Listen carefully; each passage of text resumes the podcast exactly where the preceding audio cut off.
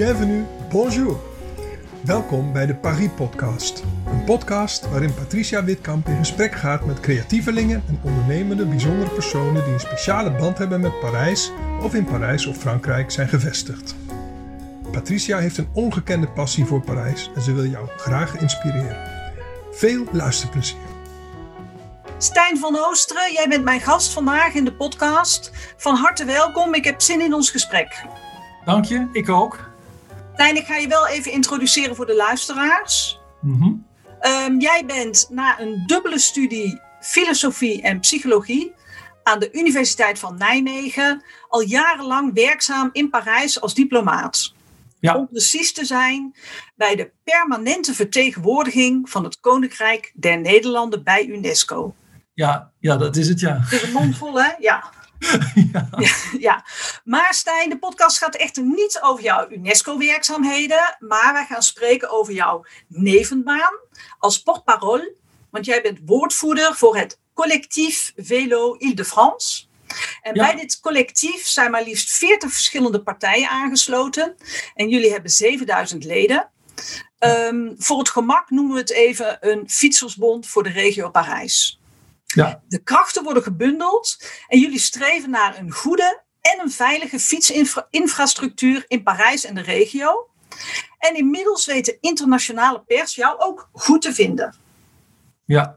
Stijn, mijn eerste vraag aan jou. Hoe ben jij in Parijs terechtgekomen? Nou, nou, dat komt door de filosofie en door de taal. Ik, eh, ik, ben, ik kom uit een heel klein dorpje uit Gelderland, Horsten. Ja, Daarna ben ik naar Nijmegen verhuisd. Ja, echt een superstad. Oudste stad van Nederland. En daar heb ik filosofie en psychologie gestudeerd. ja, En voor iedereen die nog twijfelt over wat ze moeten studeren, dat is een super combinatie. En toen ik tijdens mijn studie eh, filosofie teksten las, eh, toen, toen dat tijd hoefde je al niet meer Frans te kunnen op school en op de universiteit.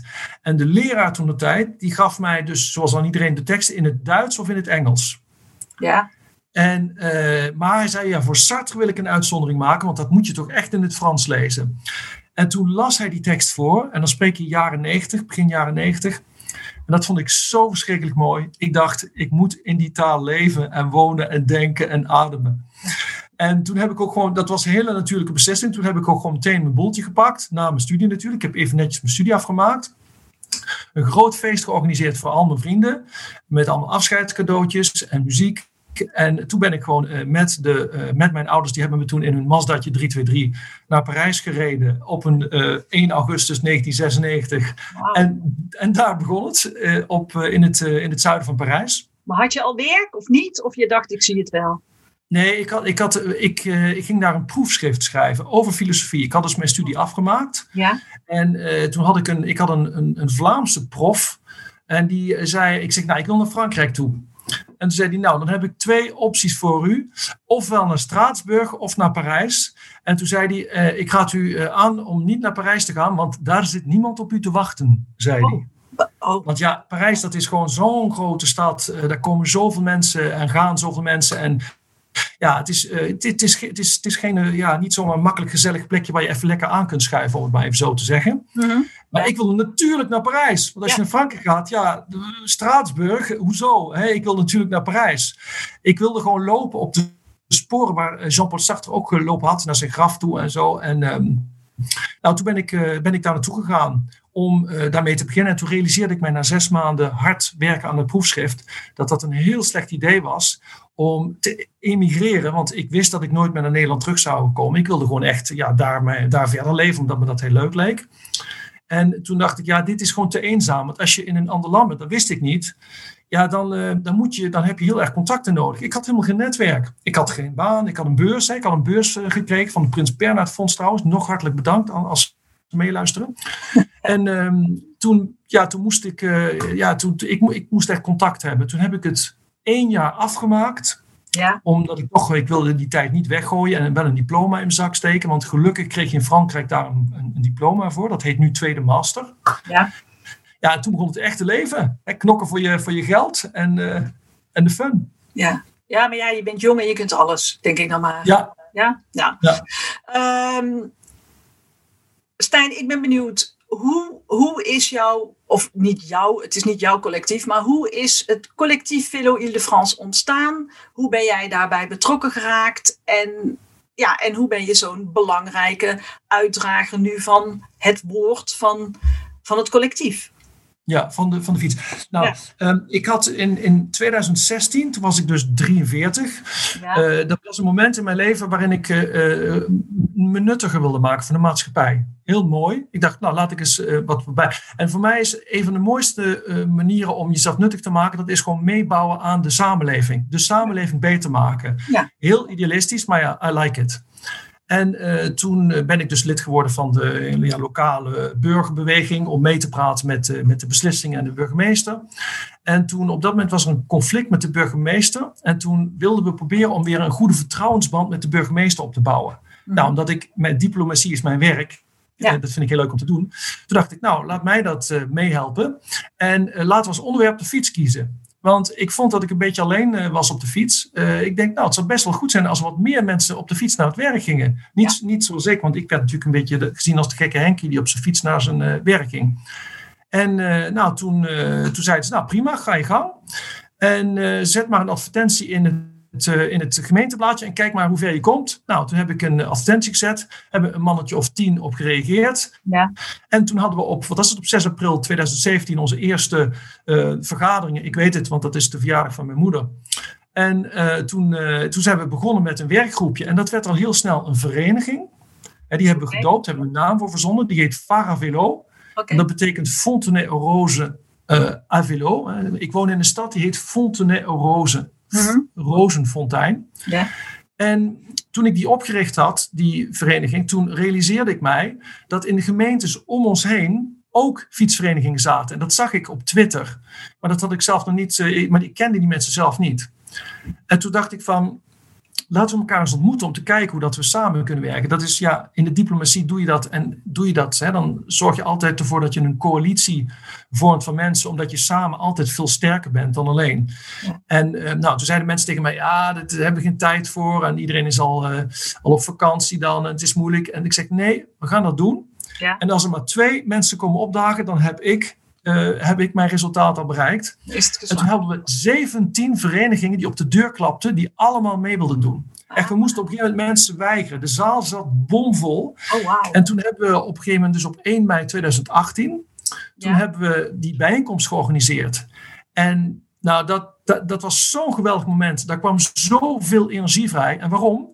Omdat als je mensen bij elkaar zit in een kamer die allemaal met hetzelfde bezig zijn, nou, dan weet je niet wat je meemaakt. Dan, dan mensen die komen op de tafel dansen. Want het is zo fijn om met mensen te praten die precies begrijpen waar jij mee bezig bent. Die dezelfde frustraties hebben over het feit dat de burgemeester vindt dat de fiets dat is maar een lastpak. Ja. Nou, en ja, vanaf dat moment uh, realiseerden wij ons hey, dit is echt, uh, dit is zo groot, hier moeten we, dit, dit, moeten we verder trekken. Dit moeten we echt naar het niveau van de regio trekken. Ja, ja nou, jullie hebben, ik onderbreek je even Stijn, jullie hebben een waanzinnig mooie en uitgebreide website ook voor de liefhebbers. Ja, ja dus ja, collectief Willow de France, die, hebben we, die hebben we toen ook opgericht. Nou ja, toen uh, zijn we dus gaan begonnen met onderhandelen met uh, een aantal fietsverenigingen, want die zijn het ook niet altijd eens samen. Hè? Het is ja, heel veel Franse diplomatie, dus ik heb echt mijn, mijn hart op kunnen halen wat dat betreft. Heb je gepolderd? Over de waarden die we samen zouden uh, vertegenwoordigen. Dus dat is niet alleen de fiets, maar dat is ook aardig voor elkaar zijn. Dat is ook elkaars werk respecteren. Dus om echt een community te bouwen van mensen die samen verder willen trekken. Die niet alleen maar een biertje of een wijntje willen drinken en zeggen wat ze vinden. Maar die ook echt samen, uh, weet je, uh, ja. solidair willen zijn. Nou, ja. dat hebben we gedaan. Ja, ik onderbrak je daar net even. Ik zei van, heb je ook gepolderd? Omdat dat nu zo'n hot item is. Heb je ook gepolderd? Heb ja, dat is enorm veel. Je, je, je moet de, de, alles komt daarop aan. Mensen de neus één kant op zetten.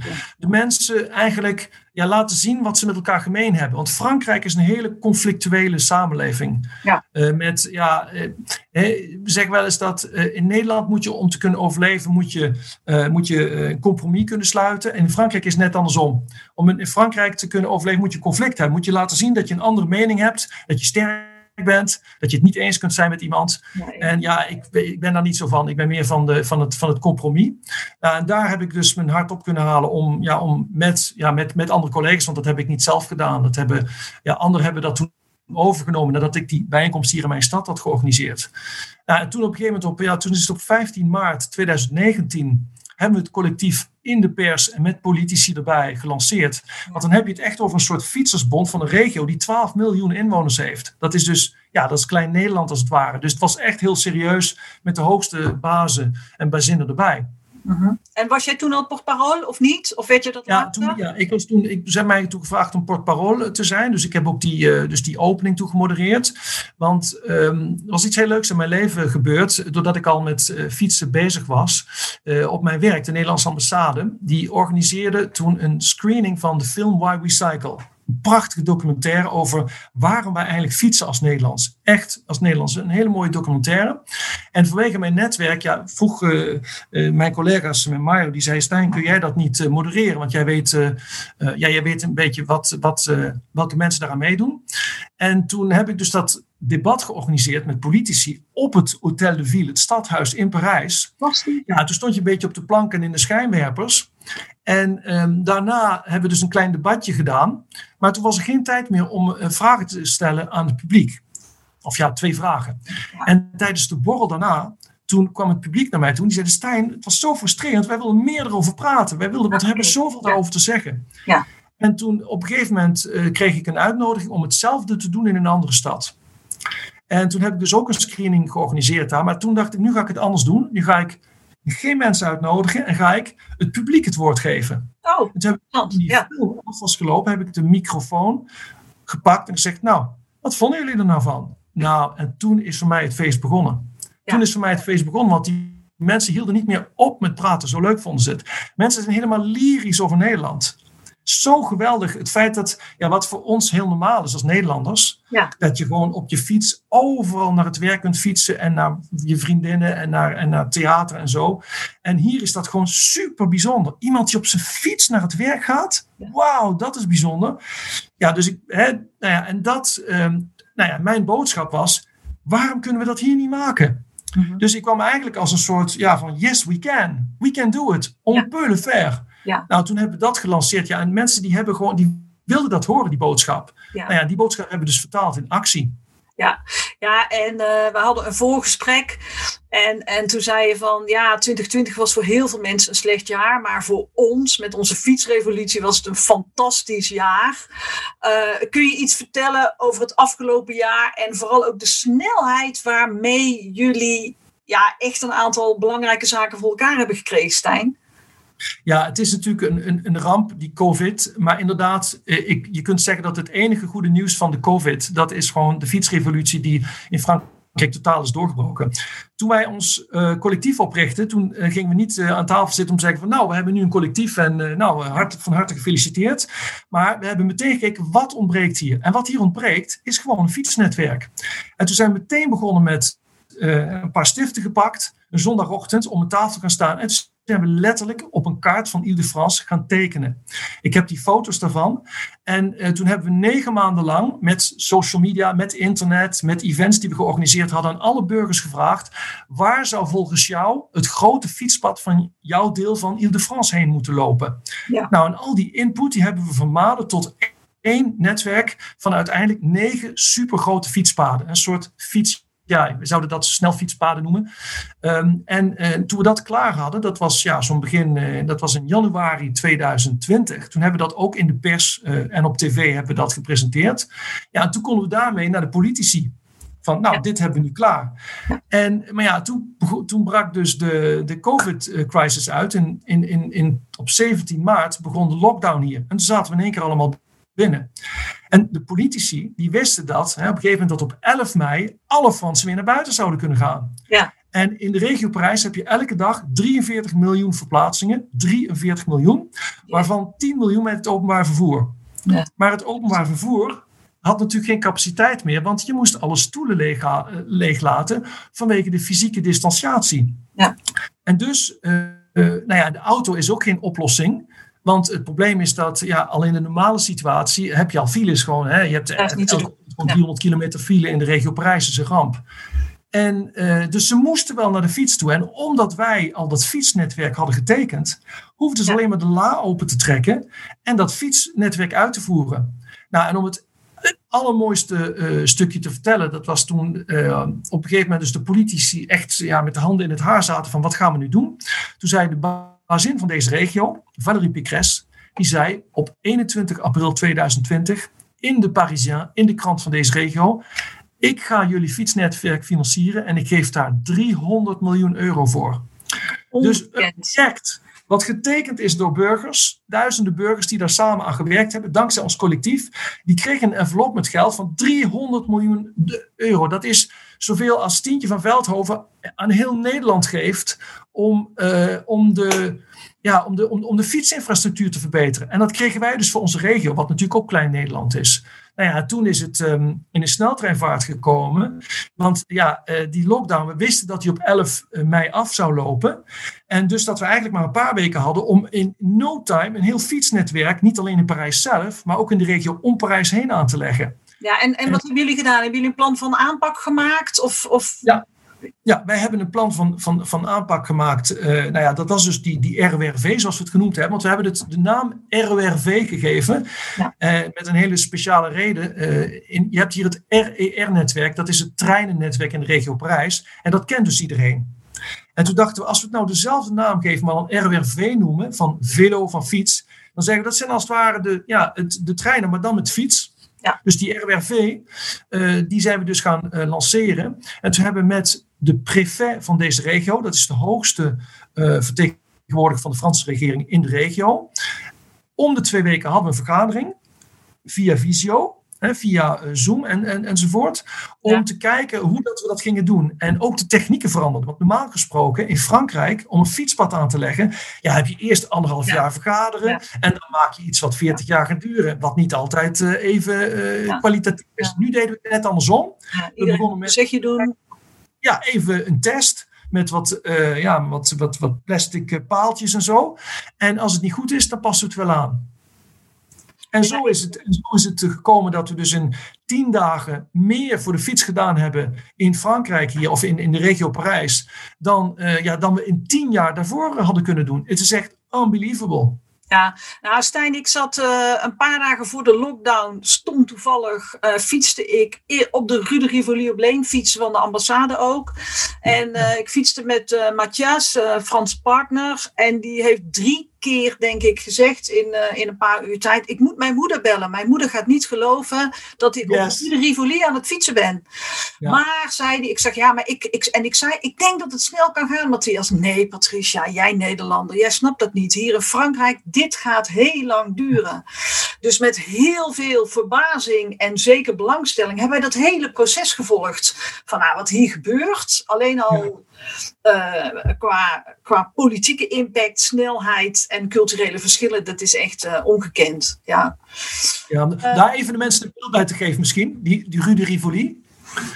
Want dat is het verlengde van de Champs-Élysées. Dat is ja. dus de grootste winkelstraat in Parijs. Ja. En dat is dus een, ja, dat was voorheen, uh, reden daar zes auto's langs elkaar. En op een gegeven moment. Ja, zes Ja. En toen hebben ze dat in één keer, heeft dus de burgemeester daar een fietsstraat van gemaakt. Ja. En dat is echt, dat, daar moet je echt politieke spierballen voor hebben. Daar moet je echt moed voor hebben.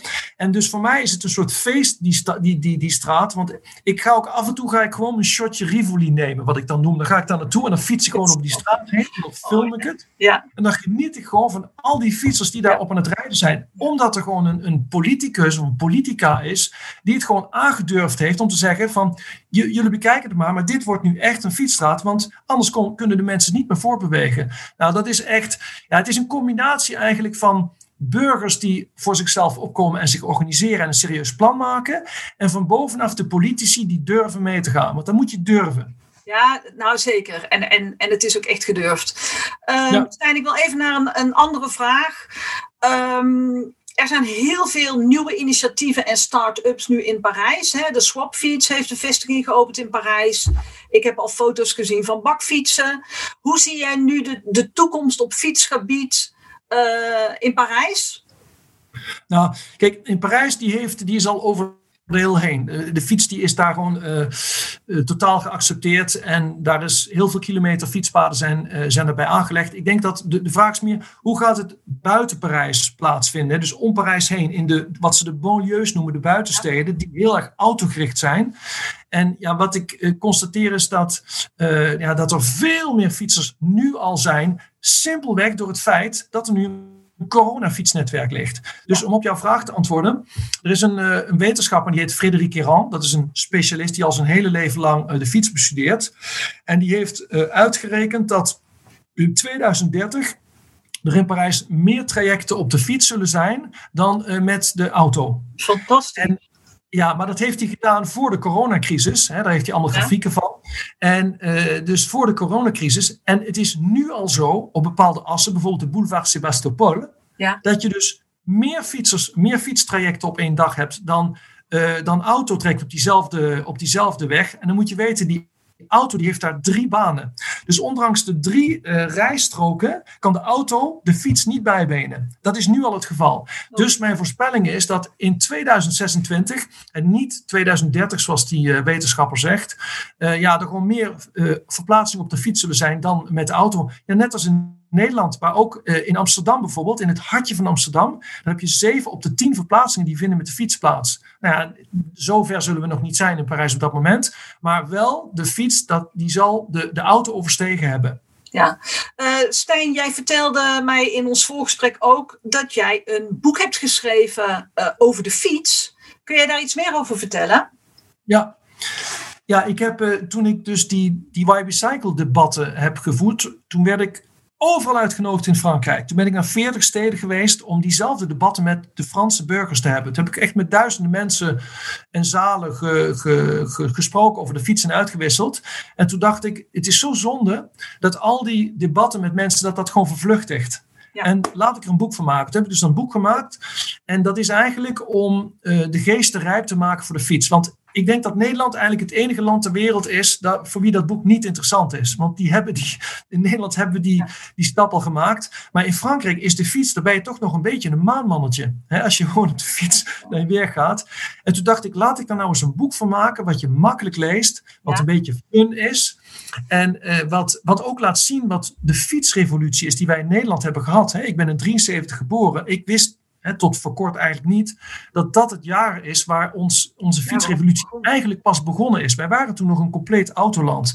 Uh, nu, 48 jaar later, want nu ben ik 48, ben ik dus zelf als actor die fietsrevolutie aan het beleven. En ja, dat wil ik in dat boek opschrijven, zodat andere mensen kunnen zien van, oh, als we het echt willen, dan kunnen we het ook in onze eigen maatschappij uh, realiseren. Ja. Dus uh, nou ja, verder leg ik in dat boek ook de, de psychologische uh, mechanismen uit die ervoor zorgen dat het heel moeilijk is om, om out of the box te denken. Hè, waarom ja, mensen ja, vast blijven zitten in hun oude patronen. Dat, is, ja, dat vind ik als psycholoog heel interessant. Ja, komt er ook nog iets van Sartre terug in je boek? Nee, ik heb hem niet genoemd, maar het zit wel boordevol filosofie. Want uiteindelijk is alles psychologie en filosofie. nou, dat is, kijk, filosofie heb je nodig om out, om out of the box te denken. En dan heb je vervolgens psychologie nodig om te begrijpen waarom mensen niet out of the box willen. Dus en als je dan die twee uh, wetenschappen gebruikt, dan krijg je ze uit de box. Ja, een soort twee wielen die je nodig hebt voor een fiets, Stijn. Even ja. een beetje ja. samengevat. Um, Stijn, uh, heb jij een, um, een bepaald levensthema, levensmotto, zowel zakelijk als privé? Ja, ja, ik, ik heb heel veel um, motto's. Want uh, weet je, hoe ouder je wordt, hoe meer ervaring je krijgt. En, maar er is er één die ik echt het belangrijkste vind. En die ik aan al onze stagiaires meegeef. En wie maar advies van mij wil hebben. En dat is, alsjeblieft, doe wat je leuk vindt.